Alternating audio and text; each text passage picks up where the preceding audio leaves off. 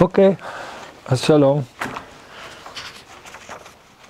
אנחנו אה, ראינו פעם קודמת את הדימוי של אירוסין ונישואין.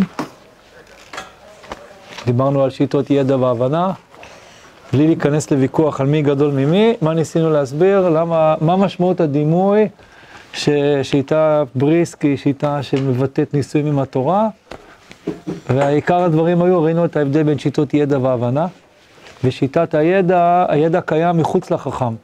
מה גדולתו של החכם? שהוא רכש את הידע. אז הוא, זה, זה הכוונה שהיא, זה כמו אירוסין, יש ידע ויש חכם, ואנחנו בקשרים ביניהם, זה דבר גדול.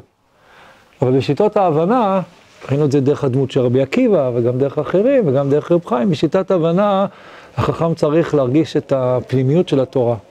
החכם צריך uh, לעמוד על מה שלא כתוב. החכם צריך להבין דבר מתוך דבר. החכם צריך לעמוד על, ה, על העקרונות, וזאת הכוונה שזה סוג של נישואין. עכשיו, מה שאני רוצה היום להתחיל לדייק זה לקרוא מעמוד 19, ולנסות uh, לראות את האופן שבו הרב מתאר, איך זה בא לידי ביטוי בעולם הבריסקאי. כי אני מתחיל לקרוא בעמוד 19. Uh, מן החזות רצופת ההשראה, עולים להכרה הדיסקורסיבית, הזכה והמחוברת. כשהגאון מעלה את חזונו לדרגת חשיבה הגיונית, הוא פותח בפעולת יצירה ספונטנית, שאינה מפרשת את הנתון המוחשי, אלא ממציאה קונסטרוקציות מופשטות. נסביר? הבנתם את זה? אז בואו נסביר, טוב? בסדר?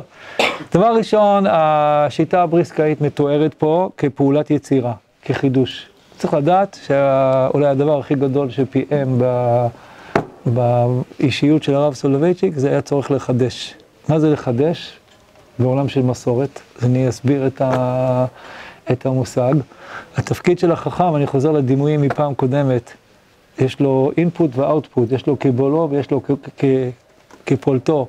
הוא בולע ידע, ומה הוא אמור לעשות לידע הזה? הוא אמור לעשות לו תהליך של עיבוד, ומה שהוא רוצה לומר בעקבות הידע זה לא לחזור על מה, ש... על מה שהוא אמר. במילון למשל, דיברנו פעם שעברה, אי אפשר להסביר מילה עם אותה מילה, נכון? אז באותה מידה, כשאדם רוצה להבין תופעה הלכתית, אדם, אנחנו עכשיו למשל בישיבה, המילים להבין מה זה קידושי כסף, נכון? ממש, המילים להבין את זה. זה יכול להיות דבר מאוד פשוט, מה, לקח כסף, תן לה, ותגיד הרי את מקודשת, ונגמר, נכון? אנחנו דרך הרבה סוגיות, אני אדגים היום מהסוגיות שאנחנו לומדים, בסדר? אנחנו מנסים קצת יורדת לעומקה של התופעה הזאת ולהבין את טיבה, ומה שבעצם החכם עושה, הוא לא חוזר על מה שהוא רכש, אלא הוא אמור לבטא את המהויות של מה שהוא רכש באמצעות מערכת מושגים שמי מחדש אותה? הוא, הוא מנסח אותה. הוא מנסח אותה, ולכן ראשית זה מתואר כפעולת יצירה, היות ויש אה, יותר מדרך אחת לנסח, נכון? יש יותר מדרך אחת לנסח את העקרונות, אז לכן גם אה, יכולים להציע תובנות שונות. אחד מהדברים הכי בולטים, לפחות בשיעורי הרב סולובייצ'יק, זה שהוא היה מציע יותר מדרך אחת, והאמת שלכן הוא גם סתר את עצמו הרבה מאוד פעמים. כלומר, אם הוא רק היה חוזר על מה שכתוב, אז כל פעם כתוב אותו דבר. אבל אם אתה עסוק בלצלול לתוך התופעה ולהציע איזושהי נוסחה שיודעת ללכד את כל החלקים, תכף נסביר את זה יותר, אתה יכול לעשות את זה יותר מדרך אחת, אתה מסוגל פעם ככה, פעם ככה, פעם ככה. אבל דבר ראשון, הוא, הוא מדבר כאן על פעולת היצירה הספונטנית, זה פעולת יצירה. דבר שני, מה זה המצאת קונסטרוקציות מופשטות? כבר הבנת, ספניה, את פירוש הביטוי? מה זה קונסטרוקציות מופשטות? מה שהם בעיקר ניסו לעשות, והוא הולך לתאר את זה תכף, אה, הגישה הבריסקאית היא, גם, היא גישה גם מושגית, אבל בעיקר אנליטית. מה שמייחד אותה זה שהיא גישה אנליטית מושגית. אני רוצה טיפה להסביר את הדבר הזה, אני אדגים אותו עכשיו דרך הסוגיות שאנחנו לומדים עכשיו בקידושין. עצם השימוש בשפה מושגית מול שפה של מקרים, זו לא תופעה שרב חיים חידש אותה, היא נמצאת גם בגמרא. אפילו השיטה האנליטית נמצאת בגמרא, ואני מסביר. התנאים אוהבים לדבר באמצעות מקרים, זה נכון מה שאני אומר? כן, נכון, השפה התנאית היא שפה קזואיסטית, היא שפה מקרה דין, מקרה דין, מקרה דין. עכשיו, אה, כבר בגמרא אנחנו רואים תהליך שבמקום להגיד מקרים עם דינים, רוצים לנסח עקרונות, מושגים. בוא אני אביא דוגמה, מושג כמו יש ברירה, אין ברירה, מכירים את המושג הזה? או דבר שלא בא לעולם, בוא נדגים דוקו, מה זה דבר שלא בא לעולם? אתם יודעים? אפשר לקנות דבר שלא בעולם? אם אני יכול למכור דבר שכרגע עוד לא קיים. זה משהו שכל הכלכלה המודרנית בנויה עליו, אופציות, נכון? אבל בתפיסה החז"לית הוא לא מוחשי, אפשר למכור משהו, זה מחלוקת, אם אפשר או לא קיים. עכשיו, מי שנסתכל למשל בגמרא ביבמות, בדף צדיק ג', הוא יראה שהגמרא אומרת שיש איזה עשרה חכמים שהיה להם עמדה סביב דבר שלא בא לעולם, ואם הוא יקרא את מה שהם אמרו, אף אחד מהם לא הוציא את המילים האלו מהפה שלו, אלא הוא דיבר על מקרה, אמר מה הדין, אנחנו במבט לאחור, מה אנחנו יכולים לעשות? ללכת למקרה הזה, ואיך לאפיין אותו? המקרה הזה הוא מקרה שאנחנו מתמצתים אותו באמצעות הביטוי, דבר שלא בא לעולם. אני אביא לכם דוגמה, בסדר? אה, הגמרא שם אומרת שרבי מאיר סובר שאדם יכול אה, למכור דבר שלא בא לעולם. רבי מאיר לא אמר את זה אף פעם. מה רבי מאיר אמר? רבי מאיר אמר שאם אדם רוצה לקדש, הוא ברא. אל תשאלו למה, בסדר? הוא בטח לא יתאהב בה, בסדר? ראיתם פעם הוא ברא באולטרסאונד? לא להתאהב, בסדר? הוא כנראה התאהב באבא שלה או בכסף שלו, לא יודע, לא משנה למה. אבל הוא רוצה לקדש שהוא ברא, היא עוד לא נולדה, האם, האם הקידושין חלים או לא חלים? זה משנה בקידושין, בדף, פרק שלישי, דף ס"ב.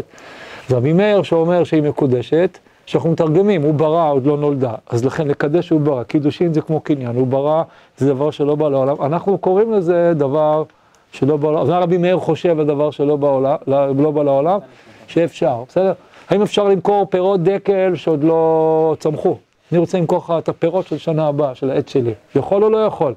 זה נקרא דבר שלא בא לעולם. אם מישהו מסתכל קצת, הוא רואה שני דברים. א', שהמקורות הקדומים לא דיברו בכלל במושגים, כמעט ולא. הם דיברו בעיקר באמצעות מקרים. המקרים האלה כבר בגמרא אפשר לראות שמתרחש תהליך של המשגה. דהיינו, במקום להגיד את כל המקרה, מנסים באמצעות מושג שמבטא את עקרון הפעולה, נכון? כשאני אומר לקדש שהוא ברא, לא הבנתי מה הבעיה. וכשאני אומר למכור דבר שלא בא לעולם, הגדרתי את הבעיה. אז התהליך הזה כבר קיים בגמרא, אני לא ממציא משהו. יתרה מזאת, אתם יודעים מה עוד כבר קיים בגמרא? קיים בגמרא הרעיון שאפשר לעשות אה, ניתוח אנליטי. מה הכוונה ניתוח אנליטי? לקחת תופעה שנראית אחת, ומה לעשות לה? לחלק אותה, להראות שהיא בעצם מורכבת משניים. כשאני מצליח לחלק תופעה, אז מה אני רוכש? הבנה יותר עמוקה של התופעה, כי מלהיות איזה דבר אחד, אה, גוש אחד, פתאום אני קולט יותר איך היא פועלת. בואו אני אביא דוגמה מסוגייתנו. קידוש הכסף בתנאים, מה אני עושה סך הכל? נותן לה כסף, וזהו. לא יותר מדי חפרתי מה זה. מה באה הסוגיה בו' עמוד ב' ומצליחה לעשות? האמת בגאונות מדהימה, זה אביי ורבא. הם חכמים חשיבה אנליטית, הם מצליחים לקחת את קידוש הכסף ולהראות שבכל פעולה של כסף קורים שני דברים, לא דבר אחד. כי מה הם מצליחים לעשות? הם מצליחים לקחת שני מקרים שהם בעצם תמונות מראה אחד של השני, ולהראות לי שקידוש הכסף כולל שני דברים, שאני יכול אחד בלי השני, ואני יכול את השני בלי הראשון. למה אני מתכוון? מקדש במיל ומה אני עושה? אני מעביר לה שווי, אני מעשיר את חשבון הבנק שלה, אבל מה אני לא עושה? לא נותן לו שום דבר ביד. ומה קורה במתנה על מנת להחזיר? תגידו לי אתם. אני נותן לה משהו ביד, אבל אני לא מעביר לה בעלות על השווי, החשבון בנק שלה נשאר אותו דבר. ברגע שהצלחתי לבודד שיש אפשרות להעביר שווי בלי לתת, ויש אפשרות לתת בלי להעביר שווי, אז הראיתי שקידושי כסף מחולקים, בעצם הם קיימים משני גורמים. עכשיו אני יכול לשאול, לחדד יותר את ההבנה שלי שקידושי כסף. אז אפילו יש בגמרא, אני באמת מתרשם שזה בעיקר אביי ורבא, בעיקר רבא. אה, הרבה מאוד חשיבה אנליטית, חשיבה שמחלקת. אני אגיד לכם מה לא כל כך קיים אצל רבא. אצל רבא לא קיים שפה של מושגים אנליטיים. מה אני מתכוון? אם ניקח רק את סוגייתנו. כשרבא רוצה לחלק משהו, אז הוא אומר אותו בשפה של מקרים. זה מה שרבא עושה. איך אני אה, חוצה באמצעות שפה של מקרים? אני מביא שני מקרים שהם מאוד מאוד מאוד דומים אחד לשני, ומה אני עושה ביניהם? הבדל דק. ההבדל הדק ביניהם, מה הוא יהיה? הוא יהיה החילוק, בסדר? בואו ניקח איזו דוגמה אצלנו. רב אומר, אלך מנה על מנת שתחזירהו לי. זה מקרה, נכון? במכר כך, בקידושין כך, בתרומה כך, בפדיון, סליחה, פדיון הבן כך, תרומה כך. הוא לא מדבר בשפה מושגית, אלא הוא מדבר בשפה של מקרה כזה, מקרה כזה, ואתה יוצא איזשהו, קחו את הבעיה, הקדש במיל ומקודשת, בנת מיל ואינה מקודשת. הוא מדבר במקרים, אבל מה הוא יוצר? ביניהם הבדל מאוד דק, בסדר? אתם איתי? אז יש בגמרא מושגים, יש בגמרא אה, אנליזה, אבל האנליזה נעשית באמצעות מה? מקרים. אתם איתי? מה שאולי החידוש הגדול של רב חיים זה שרב חיים יצר שפה מושגית אנליטית, או במילים אחרות, רב חיים יצר ארגז כלים שמאפשר לי לחלק תופעות. עכשיו אני אסביר מה ההבדל בין המושגים שלו לבין המושגים שמופיעים בגמרא.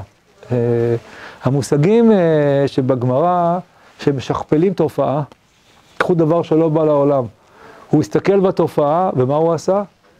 הוא שאל מה המהות, ואז הוא יצר את המושג. אני קודם רואה את המקרה, ואז מה אני עושה? אני יוצר, אני יוצר את המושג, שמה הוא בא לבטא? את המהות של התופעה שראיתי, נכון? המקרה מטרים את המושג. אתם איתי? לכן המושגים האלה הם תמיד יהיו מה? מושגים שלא ניתנים לשכפול. אתם יודעים מה אני אצליח עם, עם השפה המושגית של הגמרא? אני אצליח, וזה משהו שקיים בלא מעט סוגיות, תיקחו את הסוגיה שהבאתי קודם, אני אצליח לשרשר הרבה מקרים, ממה אני אראה? שהמקרים כולם דיברו על אותו עיקרון. אתם איתי? אבל בסופו של דבר, אני אוכל בשפה שלי, בשיח שלי, רק להתייחס למקרים שיש להם את העיקרון הזה. נגיד, אם אני ארצה לראות מי בספרות חז"ל דיבר על דבר שלא בא לעולם, אני צריך למצוא מקרים כאלו, שבהם יש את העיקרון הזה, בסדר? ככה זה על רוב המקרים שקיים, על רוב המושגים בספרות התלמודית. המושגים הם נולדים מתוך המקרים, הם מצליחים לחבר הרבה מקרים, אבל כולם צריכים להיות שייכים לאותו מושג. מה שרב חיים יצר זה משהו אחר. רב חיים יצר אה, ארגז כלים כירורגי של אנליזה, שמה היא מסוגלת? המושגים לא משכפלים את, ה... את, את התופעות כמו שהמושגים יודעים לחתוך את התופעות. וארגז הכלים מטרים את, ה... את התופעות. ארגז הכלים, החשיבה האנליטית, הידיעה שכשנראה תופעה יכולה להיות מורכבת מכמה דברים. היא מתרימה את התופעות, ולכן הכלים האלה ניתן להשליך אותם על המון המון המון תופעות. כאילו אדם, במקום למצוא את האנליזה במקומות שהוא מצליח לראות אותם, הוא מצליח לעשות ביוטופ, הוא מצליח לחתוך עוד uh, תופעות שקודם חשבו שהן לא ניתנות לחיתוך. בסדר, אני הבאתי לכם את הדוגמה של תקיעת שופר פעם. הבאתי את זה, נכון? אתם זוכרים אותו? עכשיו תזכרו בו ונחבר אותו למה שאנחנו לומדים עכשיו, בסדר? אה, אני שואל מה זה תקיעת שופר, אם זה שמיעה או תקיעה. עכשיו שימו לב, אלו שאלות שרק צומחות מתוך התופעה של תקיעת שופר. מה, מה ההצעה הייתה של רב חיים? צריך להבדיל בין מעשה המצווה או קיום המצווה. המושג מעשה המצווה, קיום המצווה, זוכרים אותו? מעשה המצווה הוא לתקוע, וקיום המצווה הוא, הוא לשמוע. זוכרים את זה? לכן צריך שהבעל תוקע יהיה בר חיובה, כי מעשה המצווה דורש בר חיובה, ומצד שני, עם הקיום של המצווה, הקיום של המצווה הוא, הוא לשמוע. בסדר, זוכרים את זה? אוקיי? שימו לב, הביטוי מעשה מצווה, קיום מצווה, הוא לא משהו שאני צריך ללמוד תקיעת שופר כדי שהמושגים האלה יעמדו בזכות עצמם. כל מצווה, מה אני מסוגל עכשיו לעשות? לחלק אותה. אני יכול עכשיו, כי בכל המצווה, לבדוק, אולי היא מורכבת משניים, אולי כך, כן? אה, זה לא מקרי שהיכולת להבחין בין המון מעשי מצווה וקיומי מצווה, אה, הנכד של רב חיים, הרב סולובייצ'יק, מאוד מאוד פיתח את זה סביב שאלה שגם דיברנו עליה, כשלמדנו באלול, הלכות תשובה.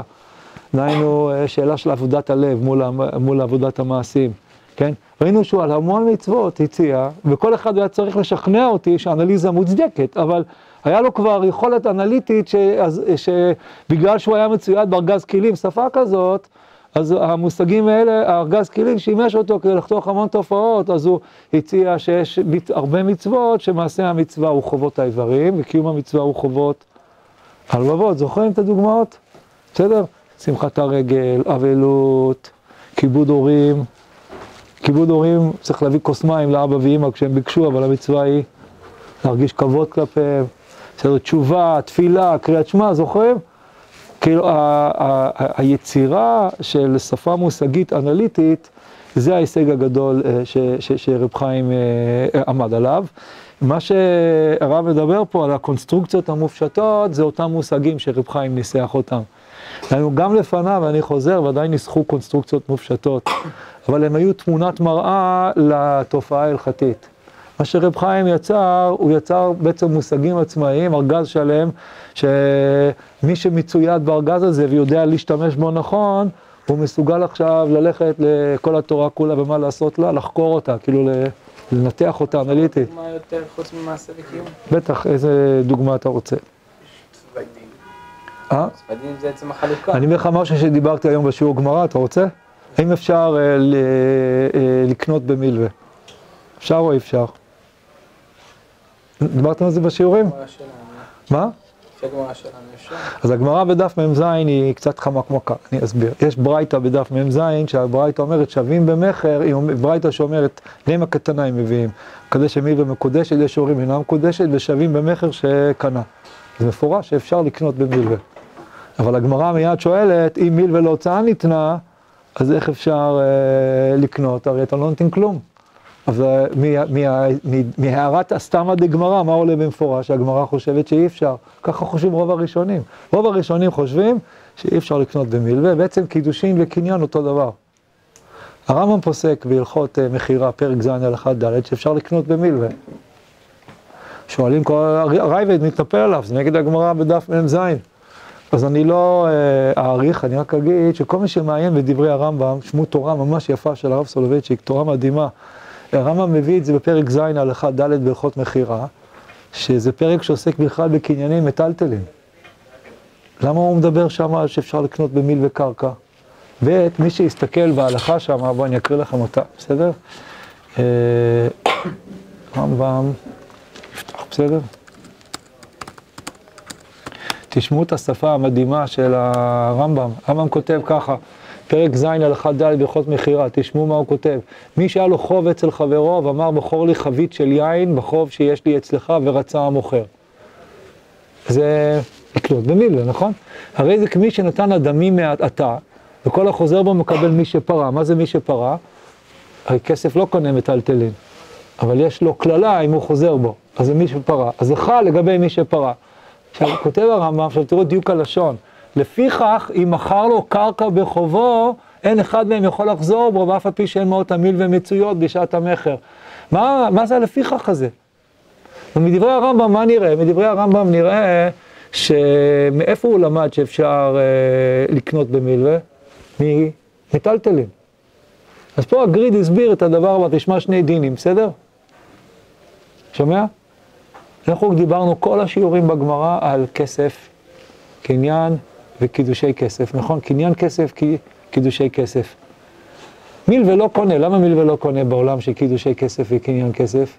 כי אתה צריך לתת כסף, כמו עפרון, עפרון נתן, ושקל אברהם, וישקול אברהם לעפרון את הכסף, צריך לתת כסף, ומילווה אתה לא נותן כסף, אתה פשוט משאיר אצלו בעלות על אה, שווי שכבר אתה נתת לו קודם, נכון? אבל רבי יוחנן בבבא מציע אומר שמדאורייתא מעות קונות. כלומר, השאלה איך להסביר את הדין מטלטלין, שמעות לא קונות, אבל יש מי שפרז. רבי יוחנן ורבי יש לקיש נחלקו על זה. רבי יוחנן סובר שמעות קונות מדאורייתא, מדרבנן אמרו שהוא לא קונה כי רצו להגן על הקונה. למה להגן עליו? כי הוא ייתן כסף, ואז מה יגיד המוכר? נשרפו חיתיך בעלייה, מצטער, הסחורה, בעיה שלך, הסחורה כבר שלך, נשרפה, אז לכן אמרו, הבעלות לא עוברת עד שהוא מושך. אבל כשאני חושב על הביטוי מעות, הרב שם לב שיש הבדל בין הביטוי כסף לבין הביטוי מעות. מה הוא הציע? הוא הציע שפה בדיוק יושבת מחלוקת אסמה והתז, שלמדתם אותה עם הרמים שלכם? למדתם את אסמה והתז? זוכר את זה? אז בואו, אני מזכיר לכם. אוקיי, אסמה והתז נחלקו איך קניין כסף עובד. האם, אה, הרי אתה יכול לקנות בשווה פרוטה. נגיד, אני רוצה לקנות את מגדלי אקירוב. אני הולך לבעלים, תן לו פרוטה, קניתי את כל מגדלי אקירוב. מה השאלה שאסמה שאל את עצמו? תגידו לי אתם באינטואיציה, איך קניין כסף עובד? בעולם המודרני היום, איך אנשים חושבים שכסף עובד? כשקניתי את הדירה שלי, מה, מה חשב הקבלן? שהדירה שלו, עד שלא אני מעשה, שלא ייתן לו את כל הסכום. אנחנו חושבים שקניין כסף עובד על החלפה של ערכים. אני נותן לך את שווי החפץ, אז החפץ הופך להיות שלי, נכון? אתם מסכימים איתי? אבל כתוב בחושן משפט קצ שדי לתת מה? פרוטה אחת. אז אתה, אז אסמה אומר, האמת היא שאיך קניין כסף עובד? אתה נותן את כל הסכום. אז למה רק פרוטה קונה? אז הוא אומר, אתה כאילו שילמת לו את כל הסכום, ומה הוא עשה? הוא הלווה לך חזרה את רובו חוץ מפרוטה, זה נקרא זקיפת מלווה. אבל לפי דעת אסמה, איך קניין כסף עובד? תגיד לי אתה אורי, כי אתה נותן את השווי. קוראים לזה בלמדנות כסף שווי או כסף פירעון, ככה זה עובד. אבל התז חולק. התז אומר, סליחה, למדו קידושי כסף מ... סליחה, למדו קניין כסף מעפרון. גם מה עוד למדו מעפרון? קידושי כסף. בקידושי כסף אתה חושב שמחליפים את האישה ב... ב... בסכום? ודאי שלא.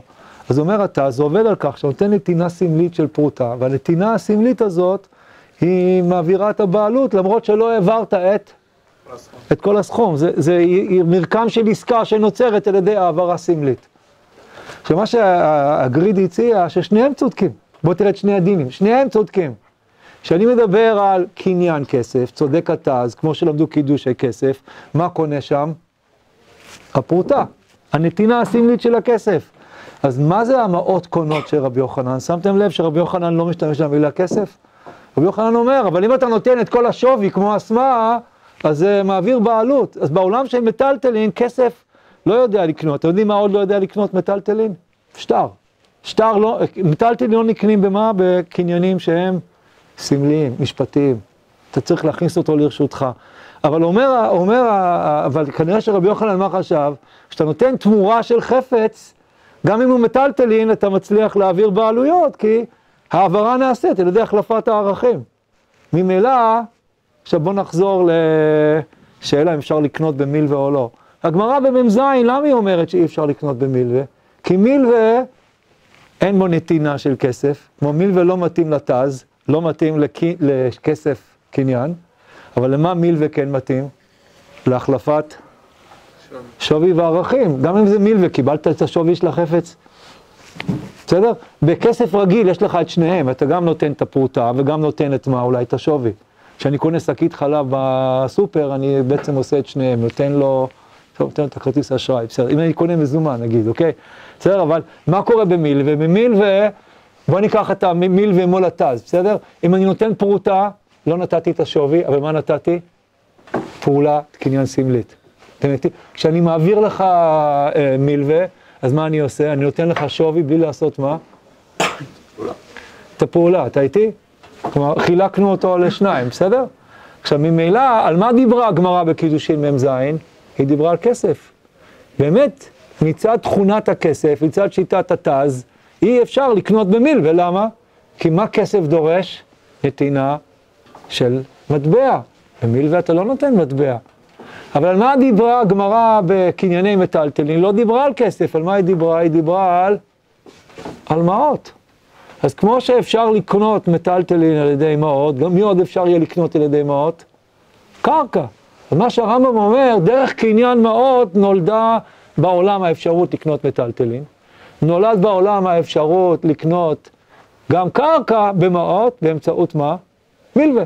אז אם אני שואל את עצמי לפשר שיטת הרמב"ם, למה הוא הביא את זה בהלכות מכירה פרק ז', זה פרק של מטלטלין, למה הוא עשה לפיכך?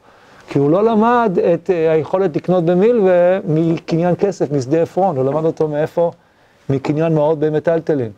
במילים אחרות, יש פה שני דינים, אתה רואה? כאילו, כשאני קונה בכסף, אני בעצם יכול לקנות או בצורה כזאת או בצורה אחרת. יש שתי דרכים שזה פועל, מה אני צריך לזהות כל פעם? על מי אני מדבר? עכשיו, איך הצלחתי לייצר את שני הדינים רק בדרך אחת? שהפרדתי אחד מהשני. בפרוטה נפרדתי מהשווי, ובמילווה נפרדתי ממה? מהנתינה. אתם איתי? בסדר, אתה איתי אורי? כן, אבל זה מאוד מאוד ספציפי דווקא לסוגיית קידושין, וכאילו לסוגיית קניין וקידושין. אז אתה רוצה ארגז כלים כללי, אתה רוצה? כן, בוא. קח חפצה גברא כדוגמה, בסדר? אני ניגש לתופעה, ואני רוצה לשאול את עצמי, האם זה דין בגברא או בחפצה. בוא, אני אביא דוגמה לזה, בסדר? שאסור לך לאכול חזיר. האם החזיר הוא מאכל אסור, או שלך אסור לאכול אותו? ביום כיפור אסור לך לאכול. האם ביום כיפור האוכל הוא מאכלות אסורות, או שלך אסור לאכול אותו? מה אתה חושב? לי אסור לאכול אותו. לך אסור לאכול אותו, אז נקרא לזה איסור גברא, בסדר? למה? כי לך אסור. מה דעתך על חזיר? זה איסור גברא או זה איסור חפצה? זה גם איסור גברא. אז, אז, אז אנחנו צריכים לבדוק את זה, בסדר? הלמדן קודם כל יודע לשאול את השאלה. אתה יודע מה הדבר הבא שהוא צריך? להוכיח. כמו שהצלחנו באמת לתת ממשות, עכשיו אני אומר, הלמדן במיטבו, הלמדן הכי טוב, ייקח אותה תופעה, ומה הוא יראה לך? שהיא גם מורכבת מחפצה וגם מגברא. אתה רוצה דוגמה? זה מופיע גם, אתה מבין מה שאני אומר? לפעמים אתה אומר, תופעה היא תופעת גברא, לפעמים תופעת חפצה, אבל מה הלמדן הכי איכותי יצליח לעשות? אותה תופעה שבמבט ראשון, איך היא נראית כתופעה אחת, הוא יראה לך שחלק ממנה גברא, חלק ממנה חפצה. אתם רוצים דוגמה לדבר כזה? בוא נביא דוגמה שכתבו עליה שני בריסקאים אותו דבר בלי שאחד ידע על השני כנראה. למה? כי הם עבדו עם אותה שיטה. אני רוצה להביא לכם דוגמה של איסור תרומה לזר, בסדר? יודעים שלזר, שלזר אסור לאכול תרומה? בסדר? אסור לו מה לעשות, אסור לו לאכול תרומה, אסור לו לשתות תרומה. מה עם איסור שיחה בתרומה?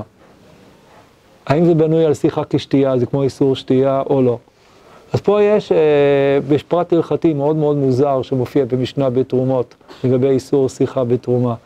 וזה שאם אדם כהן סח בתרומה, אז תוך כדי שהוא סח בתרומה, הוא בתוך אמבטיית שמן כזאת בחמת גדר מלאה תרומה, בסדר? זה הכניסה לכהנים בלבד. הוא יכול להכניס את הנכד שלו, שהוא הבן של הבת שלו, במילים אחרות, הנכד הזה הוא לא... הוא זר. הוא זר, וגם הוא יכול ליהנות מהשמן. מה השאלה שמי, שמי מתבקשת? סליחה, מותר לנכד שלו לאכול תרומה? לא. אז למה מותר לו לסוך בשמן? אבל בתנאי שהסבא סח בשמן. זה צריך להוסיף משנה בסוף תרומות, שאם יש, אם רוצים להדליק שמן שריפה, שמן uh, של תרומה טמאה, אז האם מותר לישראל ליהנות מהשמן הזה? אז אם יש כהן בחדר, מותר לו, אם אין כהן בחדר, אסור לו. זה משנה? כאילו, שמעת פעם שבאיסור תרומה לזר, אם כהן אוכל ביס, גם אתה יכול לאכול ביס? אתם מבינים את השאלה? אז תשמעו איך הבריסקאים טיפלו בדבר הזה. הבריסקאים אמרו שבאיסור של תרומה לזר יש שני דינים, לא, לא דין אחד. דין אחד הוא קודם כל איסור גברא, אסור לזר לאכול תרומה, אסור לזר לשתות תרומה. זה איסור אחד. אבל יש גם איסור שני. האיסור השני הוא שתרומה, אני אגיד לכם את המונח הלמדני שהם השתמשו בו, הרמב"ם כותב שהתרומה ניתנת לכהנים. אז איזה ביטוי הם אהבו להשתמש כביטוי לאיסור חפצה? הניתן של התרומה, אני אסביר. תרומה מיועדת לשימוש כהנים. אם אה, זר נהנה מהתרומה, הוא מונע מכהן את האפשרות ליהנות מהתרומה, ולכן מה הוא עושה לתרומה? הוא פוגע בניתן שלה, בייעוד שלה.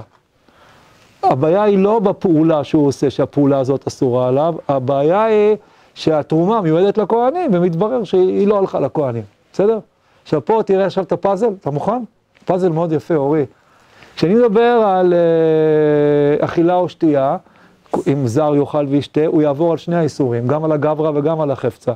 דהיינו, הוא גם פגע בייעוד של התרומה, כי היא לא הגיעה לכהנים, וגם הוא עשה פעולה שאסור לו לעשות אותה ביחס לתרומה.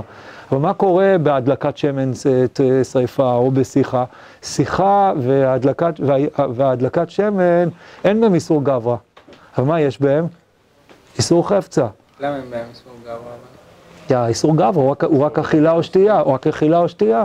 ופה יש תוספות ביומא, שהם הוכיחו את זה מזה, ששיחה כשתייה זה רק מדרבנן, שיחה לא נחשבת כשתייה. אז למה אסור לזר לסוך בשמן של תרומה? כי אם הוא יסוך בשמן, הוא מונע מה, מהתרומה הזאת להיות מיועדת לכהן, ולכן אם הכהן נמצא בתוך האמבטיה, אז השמן הזה הלך לכהנים, אז מותר לזר גם כן להשתכשך בתוך האמבטיה. אם הדליקו את השמן למען ישראלים, אה, זה, זה אמור לכהנים, אם הכהן בחדר, אז זה נדלק למענו, גם אתה יכול ליהנות. כלומר, הכלי, כלי הניתוח הזה, גברא חפצה, הוא לעיתים יזהה תופעה כגברא, לפעמים כחפצה, אבל אני אומר, השיא של הלמדנות הפריסקאית, השיא מה יהיה? שהוא יעשה אנליזה לתופעה, ומה בעצם הוא יעשה? הוא ייקח פרטים, שימו לב, הוא ייקח פרטים שמבט ראשון אתה לא מבין איך, איך כל הפרטים מתארגנים, וברגע שמה הצלחתי לעשות? לייצר אנליזה, אז מה אני עכשיו יכול לעשות? הפרט הזה שייך לפה, זה שייך לפה, פתאום נעשה לי סדר בתוך התופעה. זה מובן? כלומר, אם נחזור עכשיו, נסכם את ה... נחזור קודם. הלמדן סופג לתוכו הרבה פרטים הלכתיים, ומה מה, מה, מה בעצם המבוכה שיש לו, מה, מה, מה האתגר שיש לו, בתחילת, זה כמו סודוקו כזה, יש לו חידון שהוא צריך לפצח אותו, איך הפרטים האלה מתארגנים אחד עם השני. בסדר? מה בעצם הוא עושה? במקום לחזור על הפרטים, הוא מחפש קשרים ביניהם.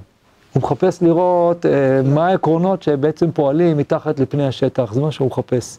והוא מנסה לנסח אותם. עכשיו, יכול להיות זו תופעה פשוטה. יכול יש משוואות בנעלם אחד. יכול להיות שזה סודוקו למתחילים.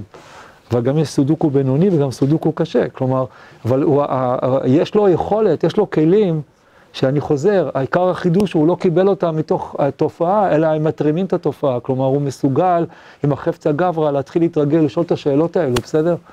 אם יש פה איסור גברא, יש פה איסור חפצה, אם יש פה מייסה, מצווה קיום המצווה. גם בקידושין, הדוגמה של מקדש במילווה, אז יש לנו מי שמקדש אישה לאחר למד. מה הפרדתי שם בין מה למה? בין מייסה הקידושין לבין מה?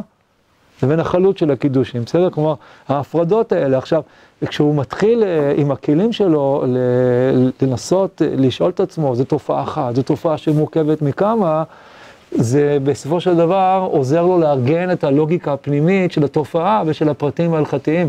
חוזר לדוגמה של התרומה, עם מבט ראשון, לא הבנתי, עכשיו זה ממש מובן. כי אני מבין שאכילה או שתייה הם אסורים איסור אחר מאשר שיחה. אני חוזר, מי שיעשה, מי שיאכל וישתה תרומה זו, הוא יעבור על שני האיסורים. גם האיסור גב וגם האיסור חפצה. אבל אני מסוגל להפריד ביניהם, בסדר? זה מובן? אז אני אומר, עצם הרעיון להפריד הוא אביי ורבא. בהמון מקומות.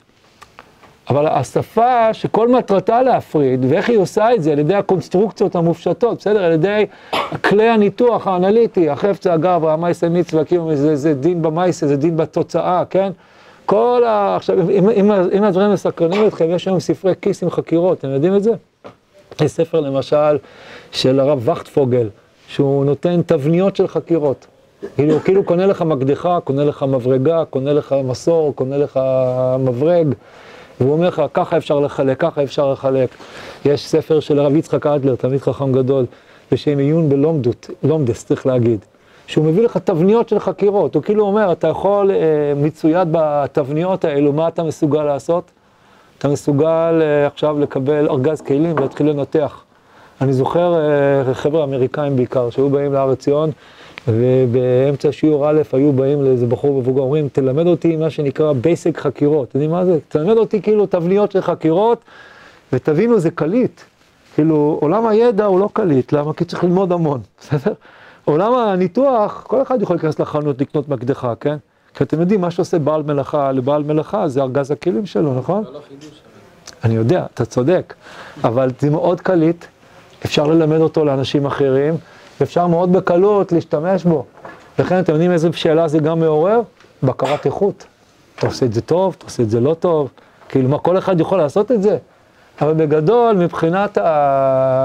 השיטה, השיטה לא באה לספק ידע כמו שהיא באה לנתח אותו באמצעות כלים אנליטיים וכלים מופשטים. עכשיו מה שהגריד בא לטעון, שזה מאוד מאוד דומה למה שקרה למדע במעבר מהמדע האריסטוטלי והימי ביניימי למדע אה, האימפרי החדש. אז אנחנו קצת נקרא, בסדר? בואו נראה מה הוא אומר. אה, העלאת החזון להשגה, אנחנו סך הכל קראנו היום ארבע שורות, בסדר? העלאת החזון להשגה והאינטואיציה לקונספציה היא מעשה יוצר הבונה עולם אידיאלי שמתקפל בעצמותו ומוצא את ערכו ותכליתו בדלת אמותיו, מערכת היחסים שבין העצמים המופשטים. בואו נתרגם לעברית מודרנית. הוא אומר, מה שקודם כל אנחנו עושים, אנחנו בונים עולם אידיאלי, אנחנו בונים עולם של מייסה קיניאן, חלויס קיניאן, איסור גברא, איסור חפצה, מבינים את זה? זה מה שאני יוצר. אני, אני, אתה רוצה דוגמה לעוד חקירה? נגיד, אה, כשנותנים גט, האם צריך להקנות אותו, האם מה צריך לעשות? מייסה נתינה, לשים ביד. גט הוא שטר, או לא שטר. אני ניגש לתופעות וכל הזמן מה אני בודק, אני בודק מי. בסופו של דבר, מה, מה למדן ירצה בסוף מסכת? הוא ירצה לדעת את כל המושגים האלו. שהמושגים האלו, האמת שמה הדבר שהם עושים, זה עולם אידיאלי, כי אתה תדע את המושגים האלו. והמושגים האלו הם בעיקר עוסקים במה? במכניזם של התופעה ההלכתית. שאני אסביר את המשפט, מה הכוונה מכניזם של התופעה? ההנחה היא שההלכה בנויה מתופעות. והתופעה מורכבת מכמה חלקים שמה הם? כשהם מסתדרים אחד עם השני נוצרת התופעה. תראה, אני, אני קצת אחדד את זה, בסדר? אני חושב שהתפיסה המובהקת והקלאסית של הקדוש ברוך הוא שהוא מחוקק.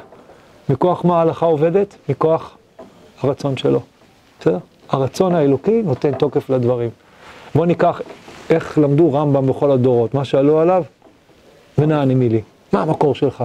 הרמב"ם הסתיר את מקורותיו, ורמב"ם שלא יודעים את מקורו, הוא לא תקף, למה הוא לא תקף? אני לא יודע אם הוא ברצון האלוקי.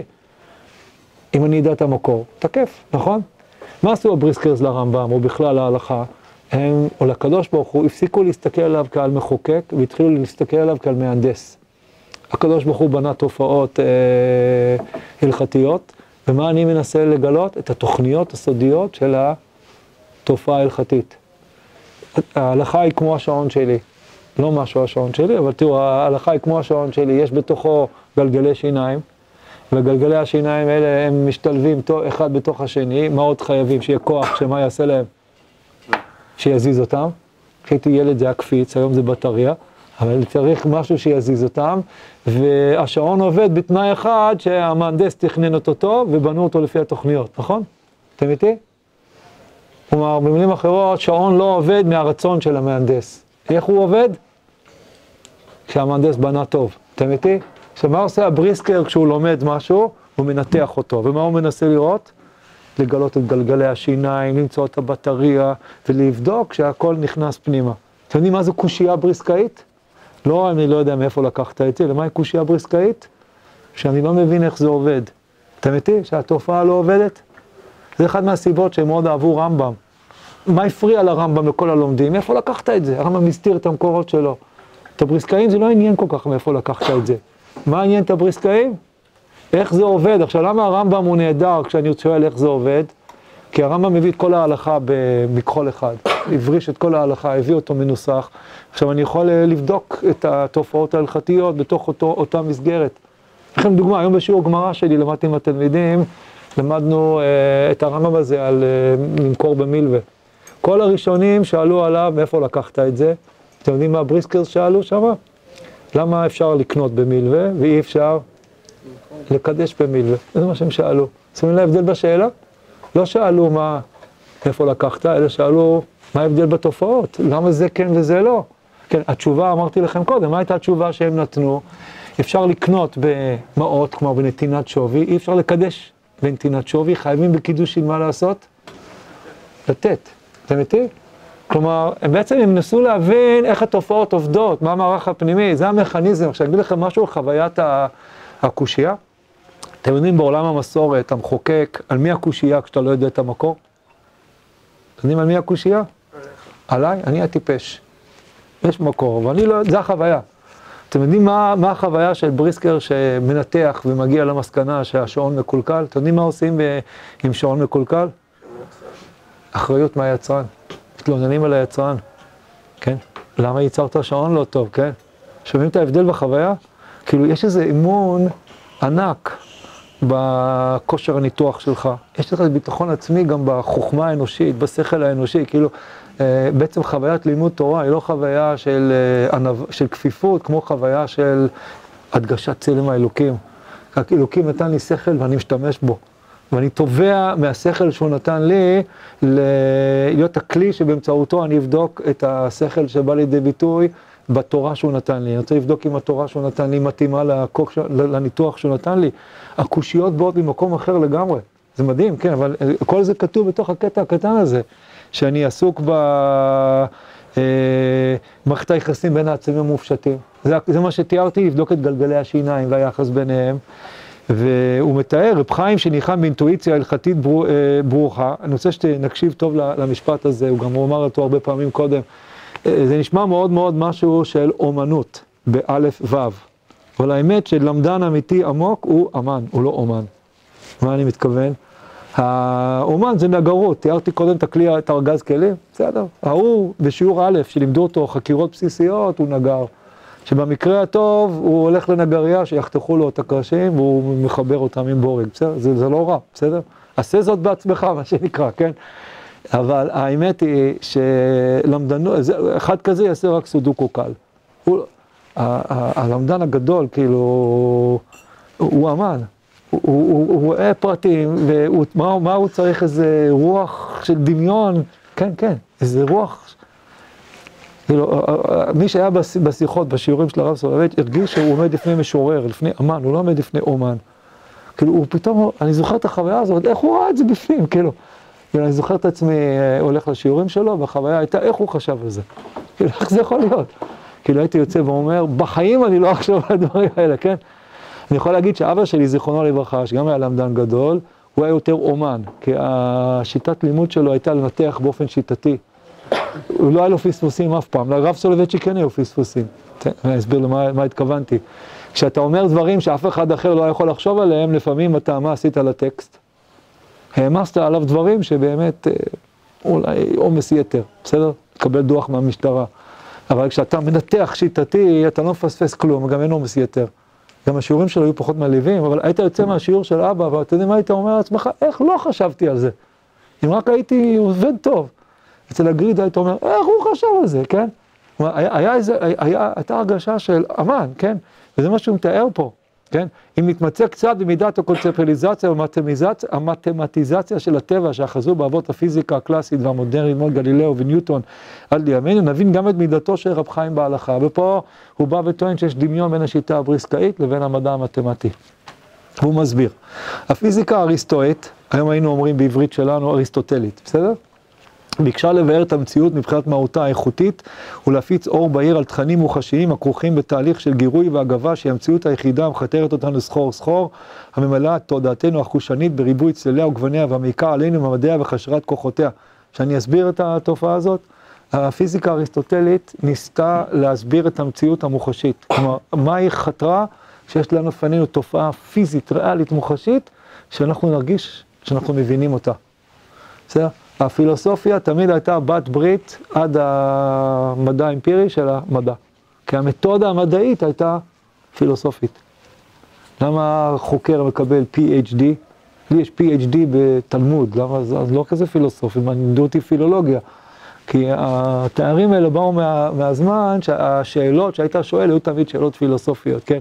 כאילו השאלות האריסטוטליות עמדו מול תופעה והם שאלו את עצמם, מה טיב התופעה הזאת? מה עומד לפניי? אז מה הם שאלו את עצמם? הם שאלו את עצמם ארבע שאלות, דיברנו על זה פעם, נכון? אז מה השאלות, אז אתם צריכים להגיד לי, מה השאלות ששאלו את עצמם? שאלות של חומר וצורה. ממה זה עשוי? מי עשה אותו? לשם מה הוא עשה אותו? וכשהוא עשה אותו, מה הייתה, היה הדגם שורה לנגד העיניים שלו, כן?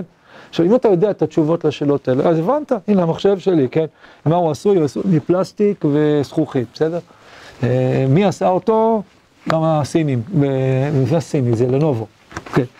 אה, לשם מה הוא עשה אותו? שאני אוכל ללמד תורה, בסדר? שאני אוכל ללמוד תורה. יש כאלה שיגידו, הוא עשה אותו שאני אוכל להיות גיימר. כל אחד וה, וה, והתכלית שלו. ולשם, בסדר, עכשיו הבנתי מה זה מחשב. בסדר? עכשיו, מה, התשובות לכל השאלות האלה הן ברובם, לא כולם, חיצוניות לתופעה עצמה. שמים לב, מי עשה אותו? לא, לא, גם פה כתוב שעשו אותו לנובו, בסדר? אבל לא תמיד כתוב מי עשה אותו, זה משהו חיצוני. למה הוא עשה אותו זה חיצוני לגמרי, אולי הוא עשה אותו להרוויח כסף? לא יודע, כאילו, זה כנראה הסיבה. סיפר לי חבר שלמד תקשורת באוניברסיטה, בשיעור ראשון, מבוא לתקשורת, חדר מלא ב-300 תלמידים שחולמים להיות עיתונאים מפורסמים, בסדר? והמרצה שואל אותם, לשם מה יש תקשורת? יודעים מה כולם אמרו? חופש להגן על הדמוקרטיה, חופש דעות, ביקורת על השלטון, לא יודע. אמר להם, לא מבין כלום, יש תקשורת למטרה אחת בלבד, להרוויח כסף. זה למכור עיתונים.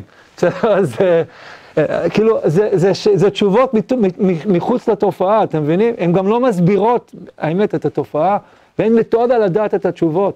שזה מה שקורה במשבר של הפילוסופיה. כן, דורות רבים, אני קורא, האמינו בתום ליבם באפשרות הערה רציונלית ביחס ליש האיכותי הממשי. הפיזיקה הקלאסית, המודרנית, ויתרה על יוזמה נועזה הזו, אתה לא יכול לענות על השאלות האלה, כן? סיפרתי לכם, אה, כשהתחילו ללעוג לגישה הטלאולוגית, התכליתית, שמה הייתה אחת מהדוגמאות, למה יש לי אף? אתם יודעים למה? נניח עליו את המשקפיים, כן? התחילו להבין שזה סתם, כאילו... זה לא סתם כי השאלה לא טובה, זה סתם במובן שאין לי דרך לענות עליה. אז מה עשו? צמצמו את השאלות ששואלים. הפסיקו לשאול שאלות גדולות. פה אה, נתנו גט לפילוסופיה. פה אמרו שזה לא אומר שהפילוסופיה לא שואלת שאלות חשובות. כל הפילוסופיה מהגט הזה ישאל את עצמו מה המתודה שלי. אז, אז מה אני רוצה? אני רוצה להתפלסף כוסות רוח, אני יכול להגיד משהו קונקרטי, בסדר? אל, אלו שאלות גדולות מאוד של הפילוסופיה, אבל מה שהמדע עשה, המדע הצטמצם. המדע תפס, אני קורא את האופי האי-שכלי של תבל ומלואה, שמופיעה בדמותה הקמאית יומיומית, והתייאשה מהישג מדעי ביחס אליה. האמת היותר עמוקה שנתגלתה למחוללי מדעי הטבע היא שאין האדם יכול לעמוד על עצמותן של תופעות מוחשיות ולהכירן. הכוונה שהוא לא יכול לעמוד על עצמותן כי התשובות הן מחוץ לתופעה, ואני לא יכול, אין לי מתודה להגיד דברים שהם מחוץ לתופעה עצמה. כלומר, המבט הצטמצם לתוך התופעה. בסדר? ברם, יש בידו ליצור קונסטרוקציות צורניות כמותיות, המקבילות לתופעות המוחשיות, שאינן נתפסות בסדריות והתייחסות מתמטית. התופעה עצמה היא לא נראית מתמטית, אבל מה הם התחילו לעשות? הם התחילו לייצר נוסחאות מתמטיות, שמה הם עשו? שימו לב כמה זה דומה למה שתיארתי לכם על בריסק. הן מניחות שהתופעה בנויה מכמה גורמים, נכון? ב', הן באות לתאר את היחס בין גלגלי השיניים, בין, התופ... בין החלקים של התופעה, שההרכב נכון ייצור את התופעה. בסדר, האמת שיותר גם בפיזיקה זה ככה, אבל אולי יותר פשוט להסביר דרך כימיה. אה, אחד מגדולי המאה ה-19 כותב נגד הכימיקר, שיש עכשיו איזה חדשים מקרוב באו, הרב הכימיקר, הכימאי. יש מחלוקת עצומה בין החוקרים של ישיבות ליטא, אה, למי הוא מתכוון. בבית אצלנו תמיד אמרו לי שהוא זה הרדווז, שהוא תמיד התכוון לרב חיים. יכול להיות שהוא התכוון למישהו אחר, אבל הוא ודאי חש שבדיוק מה שהגריד אומר פה, רק שהוא חשב את זה לגנאי, ודווקא הגריד חושב את זה לשבח. טוב, אבל האפיון הוא אותו אפיון. שבוא ניקח את ה, אולי את הנוסחה הכימית הכי פשוטה והכי ידועה, מולקולת מים זה H2O. מים מורכב משני יסודות, H ו-O, צריך פעמיים H, שיהיה לך H2 ו-O, אז מה תקבל? תקבל מים. זה לקחת תופעה, לנתח אותה, להבין שהיא מורכבת משניים, לתאר את המרקם היחסים ביניהם, נכון? והתופעה, ולנסח את זה באמצעות ספרות מתמטיות. כלומר, באופן מופשט לגמרי, מושגים מופשטים, בסדר? הנוסחאות המסובכות יותר בפיזיקה הן יותר מורכבות, בסדר? אבל uh, מבחינה מהותית uh, זה, מה ש... זה מה שעושים. לא עוסקים במה שמסביב לתופעה, לא מדברים על מה שמחוצה לה, נכנסים לתוך התופעה עצמה ומתארים את המכניזם שלה באמצעות נוסחה מתמטית, כן? זה מה שהוא uh, מתאר פה. קורלטיבים אידיאל, אידיאליים אלה, זה אידיאלי כי זה מתמטי, זה מתאים לכל התופעות, כאילו זה לא קשור לאסוציאציה של מים, כ... אם הייתי עושה עכשיו סדנת דמיון על מים, לא הייתם אומרים H2, או הייתם אומרים גשם, גם גשם יכול להיות כמה אסוציאציות, על מעיין, על מפל, כל מיני אפשרויות, כן? ופה זה אידיאלי. כל משמעותה אינה ספונה בעצמם, אלא בהזדקקותם ההדדית בצורת השוואות מתמטיות, בסדר? ה-H לבד הוא כלום, ה-O לבד הוא כלום, רק ה-H2O יוצר מים, כן? הם צריכים להזדקק אחד לשני. נהפכו לאובייקט של המחקר המדעי. תוכני תחושה כגון צבעים, קולות, חום, נהפכו לכמויות מופשטות טהורות שאין להם אלא היחס ההדדי. העברית מובנת? כן? יופי. עולם פיזיקלי זה שצורף וזוקק מסיגי החושניות, ויתרו על החושניות, על התופעה הריאלית, הוא רשות ההכרה המדעית. הניסיון והעיון משתרעים בתחומים שונים, הראשון בתחום המוחשיות החיה הממשית, המפל, הגשם, המים, בסדר? והשני בתחום ההפשטה והצורניות. ישנה הקבלה, כלומר, העולם המתמטי מקביל לעולם הריאלי, נכון? הם מקבילים, כי הוא מסביר אותו, נכון? אבל אי אפשר לדון על זיהוי העצמים המופשטים, אבל אני לא יכול להגיד זה אותו אחד, כן? כלומר, יש שני עולמות מקבילים, שכאילו משכפלים אחד את השני, אבל כל אחד מדבר בשפה קצת אחרת. אה, אה, אבל אי אפשר לדון על זיהוי העצמים המופשטים, פרי הקונסטרוקציה החופשית, עם חשרת הרגשות הבראשית. איש הדעת כפל את התהליך הקוסמי, הוא שכפל אותו, ויצר לעומת התופעה המקורית קורליאטיב אידיאלי. קודם כל, ההסבר של המדע מובן, עכשיו יש להם מה עושים עם זה, בסדר? קודם אמרנו, יש דורשים לשבח, יש, דורש, יש דורשים לגנאי. אני רוצה פה לקחת אתכם בתוך העולם של הרב סולובייצ'יק לשבח וגנאי ביחד, בסדר? בואו נתחיל בשבח. מה אנחנו הולכים לקרוא תכף? באופן דומה נהג רב חיים בהלכה. כאילו, לבוא ולהגיד, אתם יודעים, רב חיים הוא כל כך, כל כך מתוחכם. זוכרים שקראנו uh, שבוע שעבר, שרק בזכות רב חיים אפשר ללמוד תורה בעולם המודרני, למה? כי אנשים מודרניים רגילים לחשוב בצורה הזאת, כל המדע שלהם חושב ככה. אז רב חיים הראה להם כמה התורה לומדים אותה כמו פיזיקה גרעינית, כן? כמה זה מתוחכם, כן? אה, והוא הולך להסביר למה ככה צריך ללמוד תורה. זה הדבר בה"א הידיעה שצריך לעשות אותו, רק ככה מבינים תורה. והוא ימשיך ובמילים נלהבות יגיד את זה. אתם יודעים מה הוא יגיד בספרו וביקשתם משם? בספרו וביקשתם משם הוא יגיד, אתם יודעים מה קרה למדע המודרני כשהוא הפסיק לשאול שאלות תכליתיות ושאלות פילוסופיות, הוא התחיל לשאול רק שאלות של אה, מכניזם, הוא צמצם את עצמו, הוא ויתר על היכולת לענות על השאלות, אבל האמת, אתם יודעים מה השאלות הגדולות של החיים? אתם יודעים מה הן? השאלות הפילוסופיות, זה השאלות הגדולות של החיים. כי בואו בוא נסביר קצת את החורבן של הפילוסופיה עם הכל אמפירי. אז מה עם פילוסופיה של הדת? מה עם אלוקים? אפשר להכניס אותו למעבדה, למיקרוסקופ? ואז התשובה שהוא הולך לתת זה, למדע אין כלים לענות על זה, זה לא אומר שהשאלות לא חשובות. אתם איתי? אז הוא ייתן ספר שלם, שכל מה שהוא יתאר זה שאת אלוקים לא מוצאים דרך המדע. בסדר? עכשיו, אני, אני רוצה ממש, סליחה, להוציא קצת אפיקוירס, יסלח לי סבא, בסדר? מחילה או סליחה. יש פה עשרה, אין פה עשרה אנשים, אבל עם האלה בספוטיפיי יש עשרה אנשים, כי צריך לבקש מחילה מהמת. ואני הולך להגיד, אה, פחות או יותר, זה כמעט ביקורת עצמית על עצמו, שזה דברים שאני חושב שהראשון שצעק את זה חזק היה הרב שגר, אבל זה, זה בעצם, זה ביקשתם משם, כשמחברים אותו למדודך מידות, יוצאת הביקורת הזו עליו. אחד מהרעיונות היסוד בתורת הרב סולובייצ'יק זה הקדוש ברוך הוא מוצאים דרך לימוד תורה, דרך ההלכה. ומה מתודה הלכתית, מה? לא שואלת מה? שאלות שהן מעבר למכניזם של התופעה. ומי ששואל שאלות שהן רק שאלות מכניזם, מה הוא עושה לעצמו? חי בצמצום, נכון? האם לימוד הלכה יכול לתת משמעות? האם לימוד הלכה יכול באמת לבטא דברים שהם מעבר רק לתופעות הלכתיות? מבין את השאלה שאני שואל? אחד מהדברים שהישיבה שלנו מתהדרת בה, זה שהיא רוצה תורה שפוגשת את האדם, מחוברת לחיים. האם שיטת לימוד שהיא מכניסטית והיא דומה לפיזיקה גרעינית, והיא לא שואלת לשם מה יש תופעות הלכתיות, אסור, תקראו בשור, אסור לשאול למה זה קיים, אסור לשאול מה זה עושה לי, רק צריך ללמוד את זה כרעיון אידאה, כן? אז, אז אולי גם הלימוד הזה קצת מוגבל?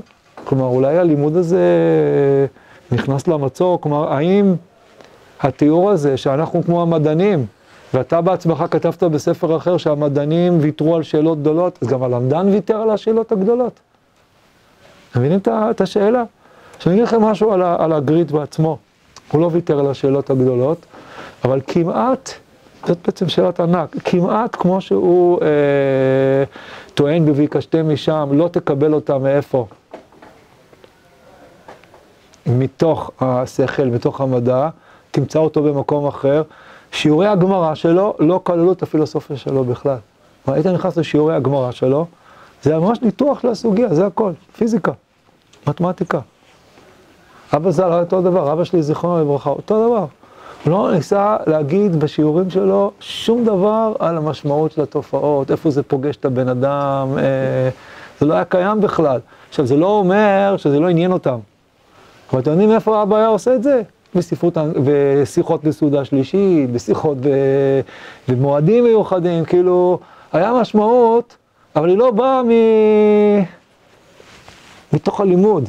שאני יכול להגיד משהו על אבא ז"ל, אם אתם רוצים קצת לפענח את העולם שלו, מה הוא מצא בסופרים האנגלים של המאה ה-17? בסדר, כאילו, בסדר, זו אנשים גדולים, אבל בכל זאת, מה, מה חיפשת שם?